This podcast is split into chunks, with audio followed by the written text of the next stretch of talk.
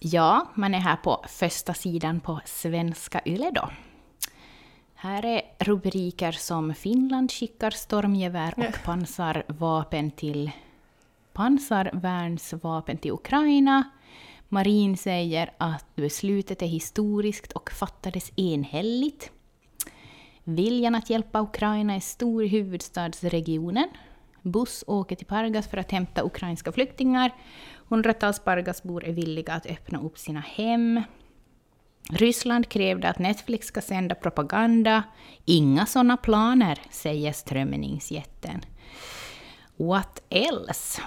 Ryssland till attack i tätbefolkade områden. Fler civila dödsfall att vänta. Japp, det är sånt här man möts av nu överallt. Och vet du vad jag är mest rädd, av, rädd för? att mina barn ska mötas av det här.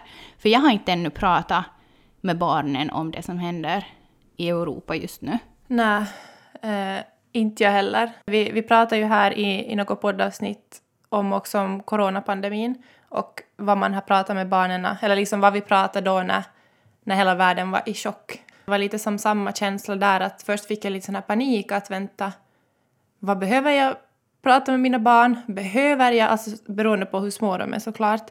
Ja, och vad liksom vad kommer de att möta från eh, dagis, förskola, andra människor som pratar? Vad kommer jag och Jim att prata sinsemellan som jag typ kanske tror att de inte förstår men så förstår de ändå? Så det är lite mm. samma sak för att fast vi inte, eller det är nog kanske ett så aktivt beslut att jag inte har på nyheter att de ska höra, jag har inte på radio eller TV med nyheter alltså. Men, men just det där att nu pratar ju jag och Jim sinsemellan, men försöker typ använda lite kodord. ja, alltså jag eh, och Robert här hemma, så vi pratar inte alls om det framför barnen och vi har inte på några nyheter åt dem.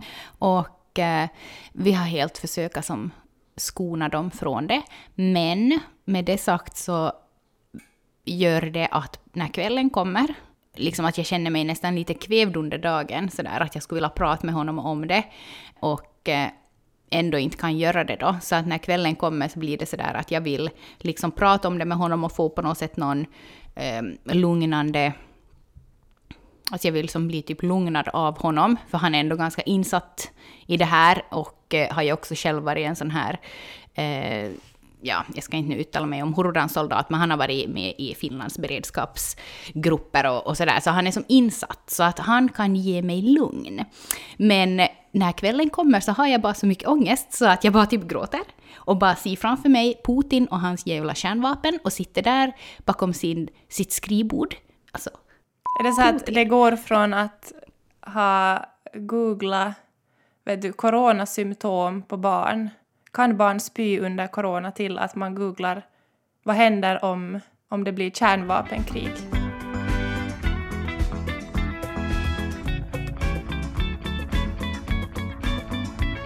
Alltså det, det, blev på något sätt att när pandemin kom så blev det som att jag som inte brukar läsa nyheter plötsligt blev fast i att läsa nyheter. På något sätt känns det som att man inte borde säga det här, men det känns som att jag kanske måste också, som jag tänker på att jag skyddar mina barn, så jag måste också skydda mig själv till en viss del för att inte bli vet du, handlingsförlamad och inte känna så mycket panik och oro och ångest och på något sätt, jag vet inte. Mm, som smittar av sig ändå på barnen fast de inte vet vad det är man är ja, orolig plus över. att livet, livet måste ju gå vidare, alltså som vi måste ju fortsätta leva våra, vår vardag så gott vi kan den. Oavsett mm. liksom vad som sker, för att inte, det räddar ju inte någon annan om jag sitter och ångestar. Det är jättesvårt. Och jag tror inte att, att någon vet vad som är rätt eller fel att tänka eller skriva eller tycka. Det har ju hela tiden funnits krig som har pågått och saker som har skett och människor som har det otroligt dåligt ställt och som kämpar för sina liv. Men någonting som är sådär intressant på något sätt, eller som när, man, när jag har pratat med mina med äldre människor som var med under krigen när de var unga eller barn eller tonåringar. Så det, det som flera av dem har upprepat, både när jag har jobbat med gamla människor och egna släktingar, är ju som att det viktiga var att livet måste på något sätt fortsätta. Och då var ju det också så att kriget var ju väldigt, det var ju här. Men att liksom att vardagen, vardagen måste ju fortsätta. Och att man liksom...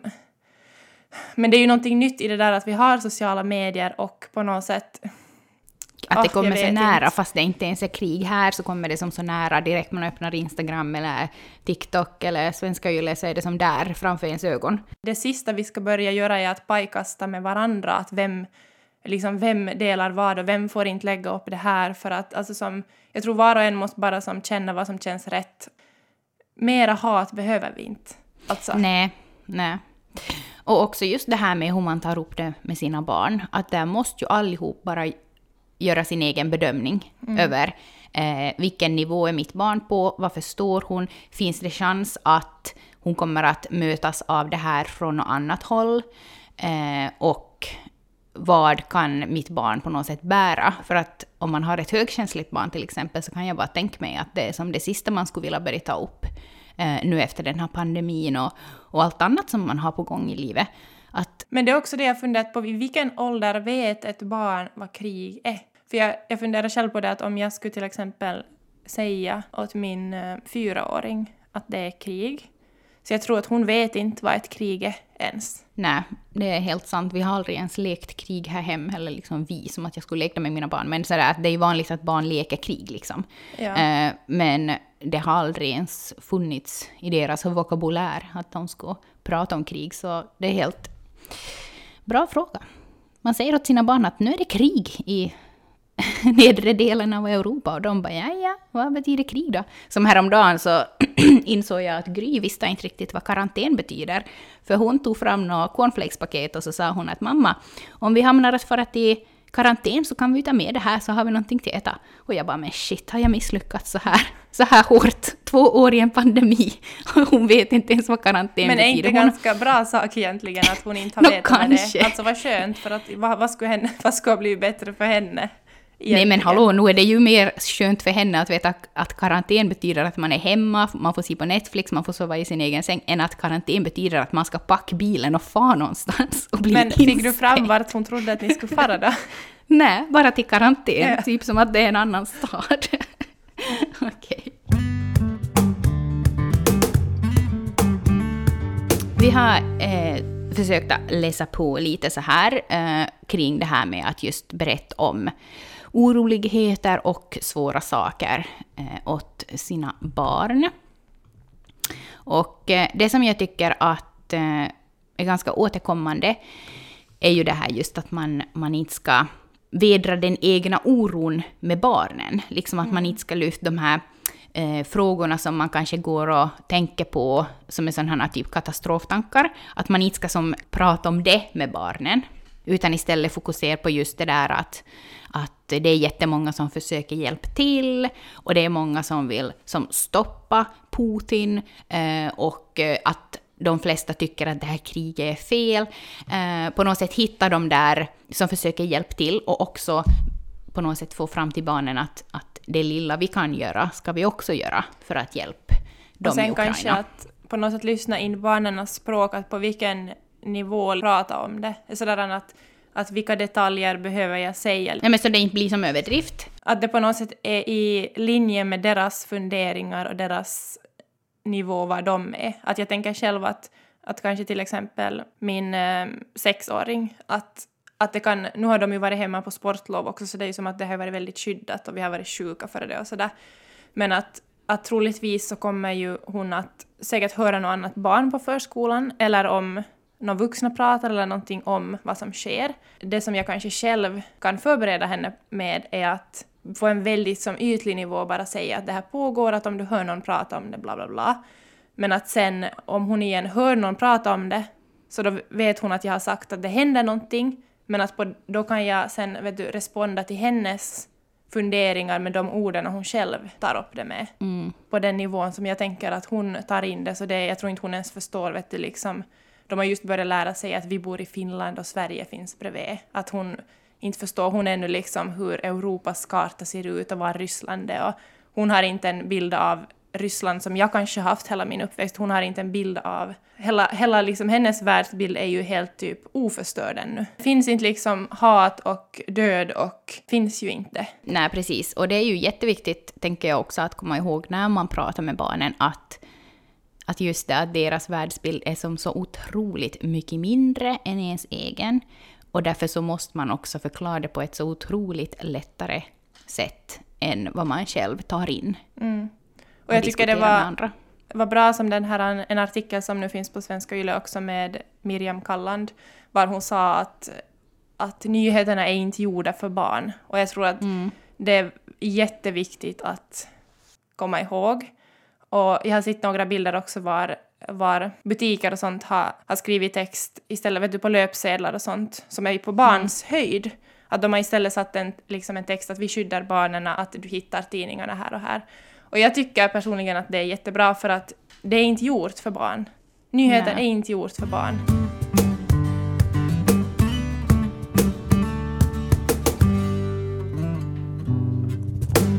Men där tänker jag att det blir direkt mer utmanande om man har äldre barn som har telefon själv eller som använder internet liksom på, ett, ja. alltså på eget, eller att de går lite alltså i vet du, tvåan, trean, fyran, var kompisar har telefoner och var man kanske har tillgång till en dator och själv kan surfa runt. Så då blir det ju nog som...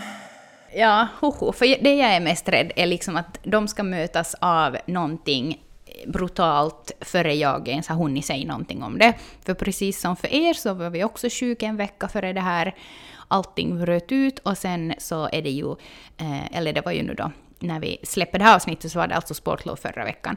Och det är jag, en så liten sak som att jag hade varit via några av de här stora mediehusen eh, och klickat igång en YouTube-video från deras sajt med den här Ukrainas president. Och bara för att jag gjorde så började det ju dyka upp videor mm. på min YouTube-kanal från allt det här.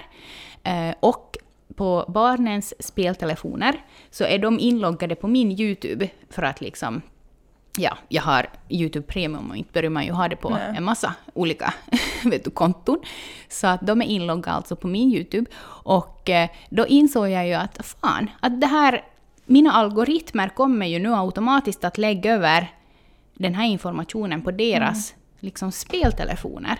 Så jag fick ju börja gå in och vet du, dölja en massa kanaler och från och med nu så när jag surfar kring det här med kriget eller klickar på några artiklar om det eller någonting med Ryssland eller vad som helst så är jag alltid på privat läge så att det inte ska spara någonting ja. av... Yes, precis. Jag vill inte bara att det ska dyka upp någon sån här hemsk video i deras ansikt. Det är som du sa, att, att om de kommer att få höra det eller se det från någon annan, typ från skolan eller från några andra vuxna eller något sånt, andra barn, vad är liksom vad är din rädsla att de ska känna om du inte har hunnit prata med dem före? Det beror på hur allvarligt de hör det då från sina, den här andra hållet. Men på något sätt som att, att, att de, kanske inte just nu, men kanske i efterhand ska på något sätt känna en besvikelse över att inte jag kunnat ta upp det med dem. Liksom på något sätt som att lite ett sviket förtroende kanske på något sätt. För det minns jag nog som från min barndom att när det hade hänt någonting hemskt eller när eh, det var något sjukdomsfall i släkten eller någon hade dött eller någon hade varit med om någonting hemskt eller så här och jag liksom fick reda på det från någon annan än mina föräldrar eller sen att jag fick reda på det en lång tid efteråt så kunde jag känna som sådär att att varför, kan, varför kunde inte mamma prata med mig om det här? Eller varför kunde inte pappa berätta det här åt mig? För på något sätt det där att jag känner ändå att jag är deras liksom, mamma och den som de är liksom allra tryggast med i hela världen och som de litar mest på. Och det jag säger hoppas jag ändå att det är det som liksom väger tyngst. Så att därför så vill jag berätta åt dem först, eh, oberoende, alltså inte nu bara det här med Ukraina och Ryssland, utan oberoende vad det är för hemskt, men det här med pandemin också. Ja. För att de på något sätt ska vet du, uh, veta att den informationen som jag ger åt dem, det kan de lita på. Så fast någon klasskompis säger typ att ja, Putin kommer nog att komma hit och uh, vi kommer allihop till dö, bla bla bla, så ska de ändå ha den där tryggheten i att mamma sa ju att jag behöver inte vara orolig för det här. Eller sen att, uh, ja, vad det nu än kan vara. Förstår du ja. liksom?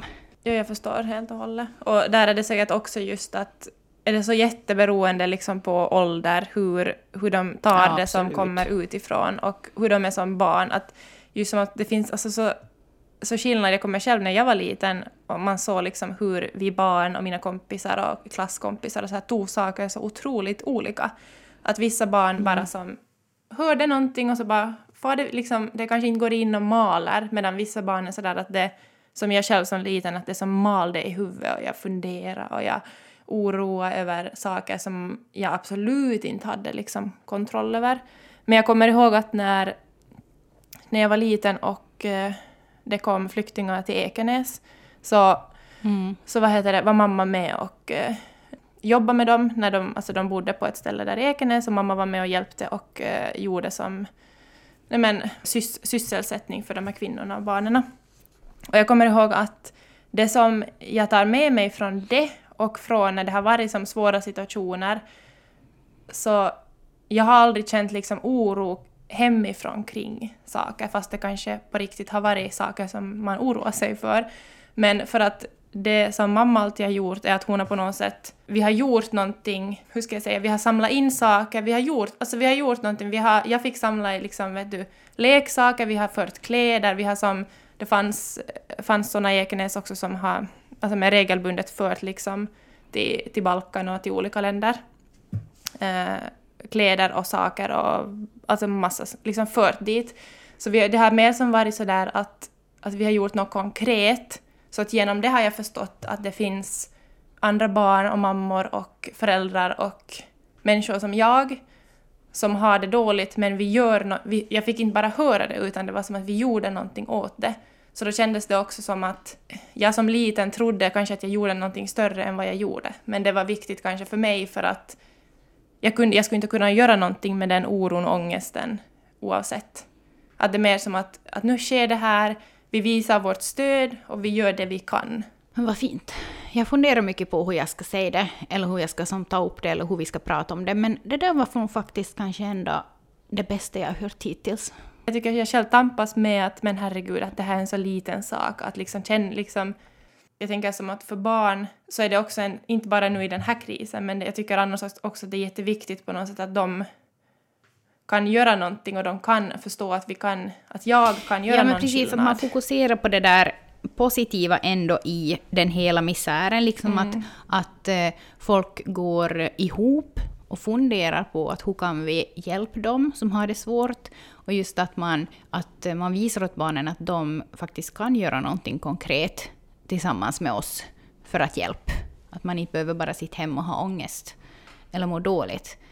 Eh, Men vad fint det där som du sa, att, att, att du liksom fick göra någonting av din ång ångest och oro, att du inte bara liksom bär på den, utan istället så fick du faktiskt göra någonting, att du gjorde någonting, fast du var liten. de här demonstrationerna som är och finns också nu överallt, i många stora städer och mindre städer och sådär. Um, så där kan man ju också tänka att vad gör det? Men jag tror att alla de är otroligt viktiga också, att man har med, alltså att man som familj kan göra sånt. För det är också ju att visa åt barnen på något sätt att, att vi står upp för det som inte är rätt. Och vi, vi går tillsammans med andra människor och vi accepterar inte att andra behandlas som de gör. Fast det är inte här det sker. Men ändå på något sätt att människor vet du, enas och går samman.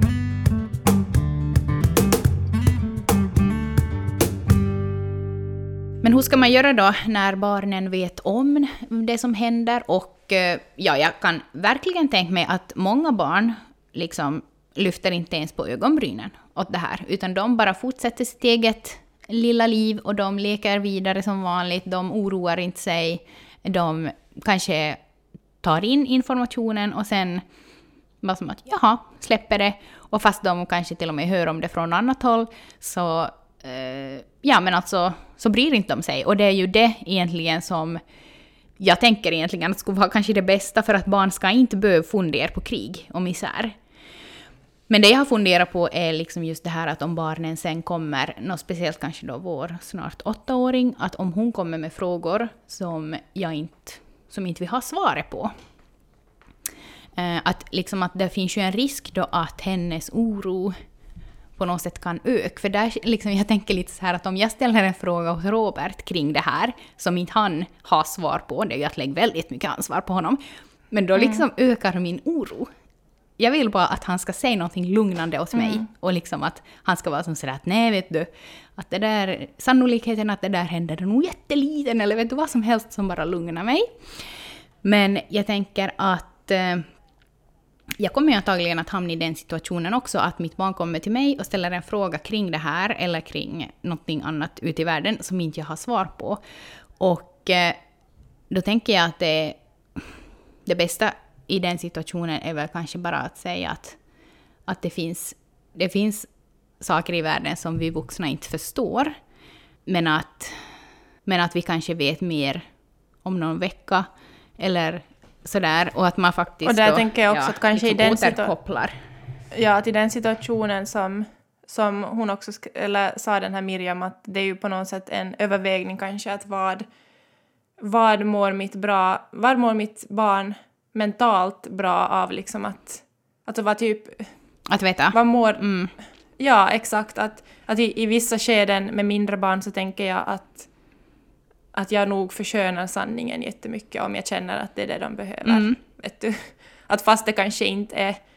Att om det är någonting jag inte har svar på så, så länge de inte själva är så stora att de vet du, på något sätt har pratat om det här i skolan och man har gått igenom olika krig tidigare och sådär, så länge de är små så tänker jag nog att, att jag kommer att göra allt för att på något sätt lugna dem i att, att fast jag skulle säga att det kommer inte att hända typ det kommer inte att hända vet du oss, eller det kommer inte att komma hit, eller vet, jag vet inte, nu vet jag inte jag exakt vad, eh, men fast det sen skulle ske att det skulle bli någonting här, så inte har det ju varit bort från dem att de har fått vara lugna. Mm. före Fram det. Men det är ju samma Mm. sak som med typ sådär skilsmässa, jag kommer ihåg att att när jag var liten så frågade jag flera gånger att inte kommer ni väl att skilja er?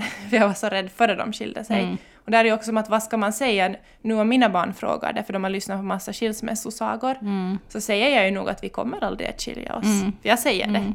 För att, men jag kan ju, inte kan jag ju lova det. Men den dagen om vi skulle skilja oss så då måste jag ju ta det då. Jag kan ju inte nu gå och säga att Nej, men det finns en 50% chans i Finland att föräldrar skiljer sig. Ja. Typ. Jag kan ju inte göra det. Nej. Nej, att man på något sätt skyddar dem från sån här information som helt liksom. enkelt de mår sämre av att veta. Ja. Ja. Ja. Ja, nej men alltså... Hmm. Ja, Det finns ingen Det rätt, finns det finns ju absolut inte en sån här inte. trestegs... absolut inte.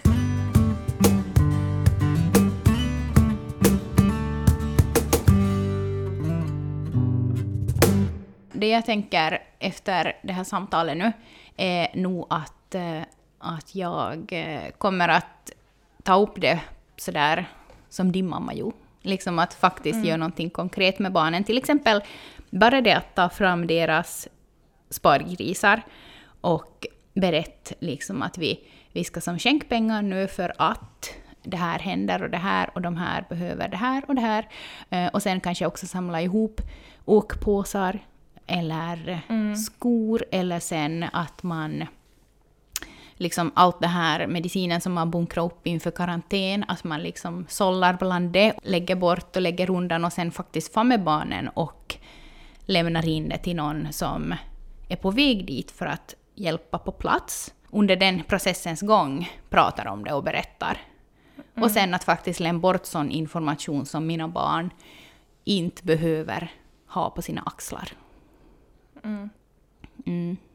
Jo, det jag, det jag tänker efter det här samtalet är också att på något sätt jag inte, att jag inte ska vara rädd på något sätt. Som att inte, inte vara rädd att jag ska säga fel eller att jag ska säga för lite eller att jag ska säga för mycket. För jag tror att direkt det är någonting som, man, som jag i alla fall blir rädd för att hur ska jag kunna som prata med dem om det här? Så då blir det som, då blir det inte bra. Utan mer sådär att, att, att vad heter det?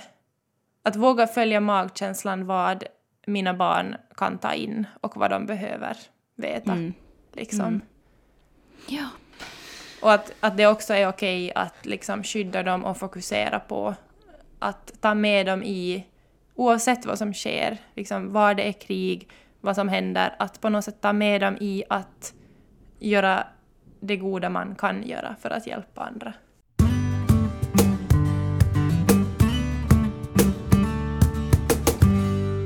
Den här, det här kriget och eh, Rysslands jonor, det lär ju fortsätta. Vi vet inte hur länge, det vet ingen. Men vi kommer inte att lyfta desto mer nu här i Föräldrasnack. Eh, utan eh, vi får se hur läget utvecklas och eh, om det sker någonting som vi känner att vi måste prata om, ventilera med er och så vidare, så då kommer vi att göra det. Men vi kommer inte att nu liksom lyfta det i varenda avsnitt här framöver. Men med det sagt så betyder det inte att vi inte tänker på det som händer eller försöker stötta eller vad som helst, utan att våra tankar är ju förstås där också, men vi vill ändå Eh, ja, Rebecka, vad vill vi? Nej, men samma som med pandemin Nej, vi vill ju, kanske. Precis som, exakt som med pandemin, så vi vill också på något sätt skapa ett andnings... Nej, men alltså att, man ska, att vår podd ändå ska vara att, att man sätter på den en halvtimme i veckan och inte blir mera ångestfylld. Mm. Eller inte ångestfylld, Men alltså orolig att- kanske. Exakt, att vi ändå är ett, ett andningsrum eller ett safe space att liksom tanka energi. Ja. Så. Med det sagt så kommer vi att höras igen nästa vecka som vanligt med någonting helt annat som inte innehåller krig och misär. Hörni, sköt om er där ut och tänk också på att skydda er själv. För som småbarnsmammor och pappor så det kan bli för mycket om man ser mycket hemska bilder på andra barn och så vidare. Och som min mamma sa, att under småbarnsåren så måste man på något sätt lägga en liten sköld kring sig för att ens psyke pallar inte att se barn som lider. Så bara för att du lite avskärmar dig och inte läser nyheterna 24-7 så betyder det inte att du på något sätt inte skulle bry dig om det som händer. Så, ha det så bra så hörs vi igen nästa vecka. Hej då! Hej då!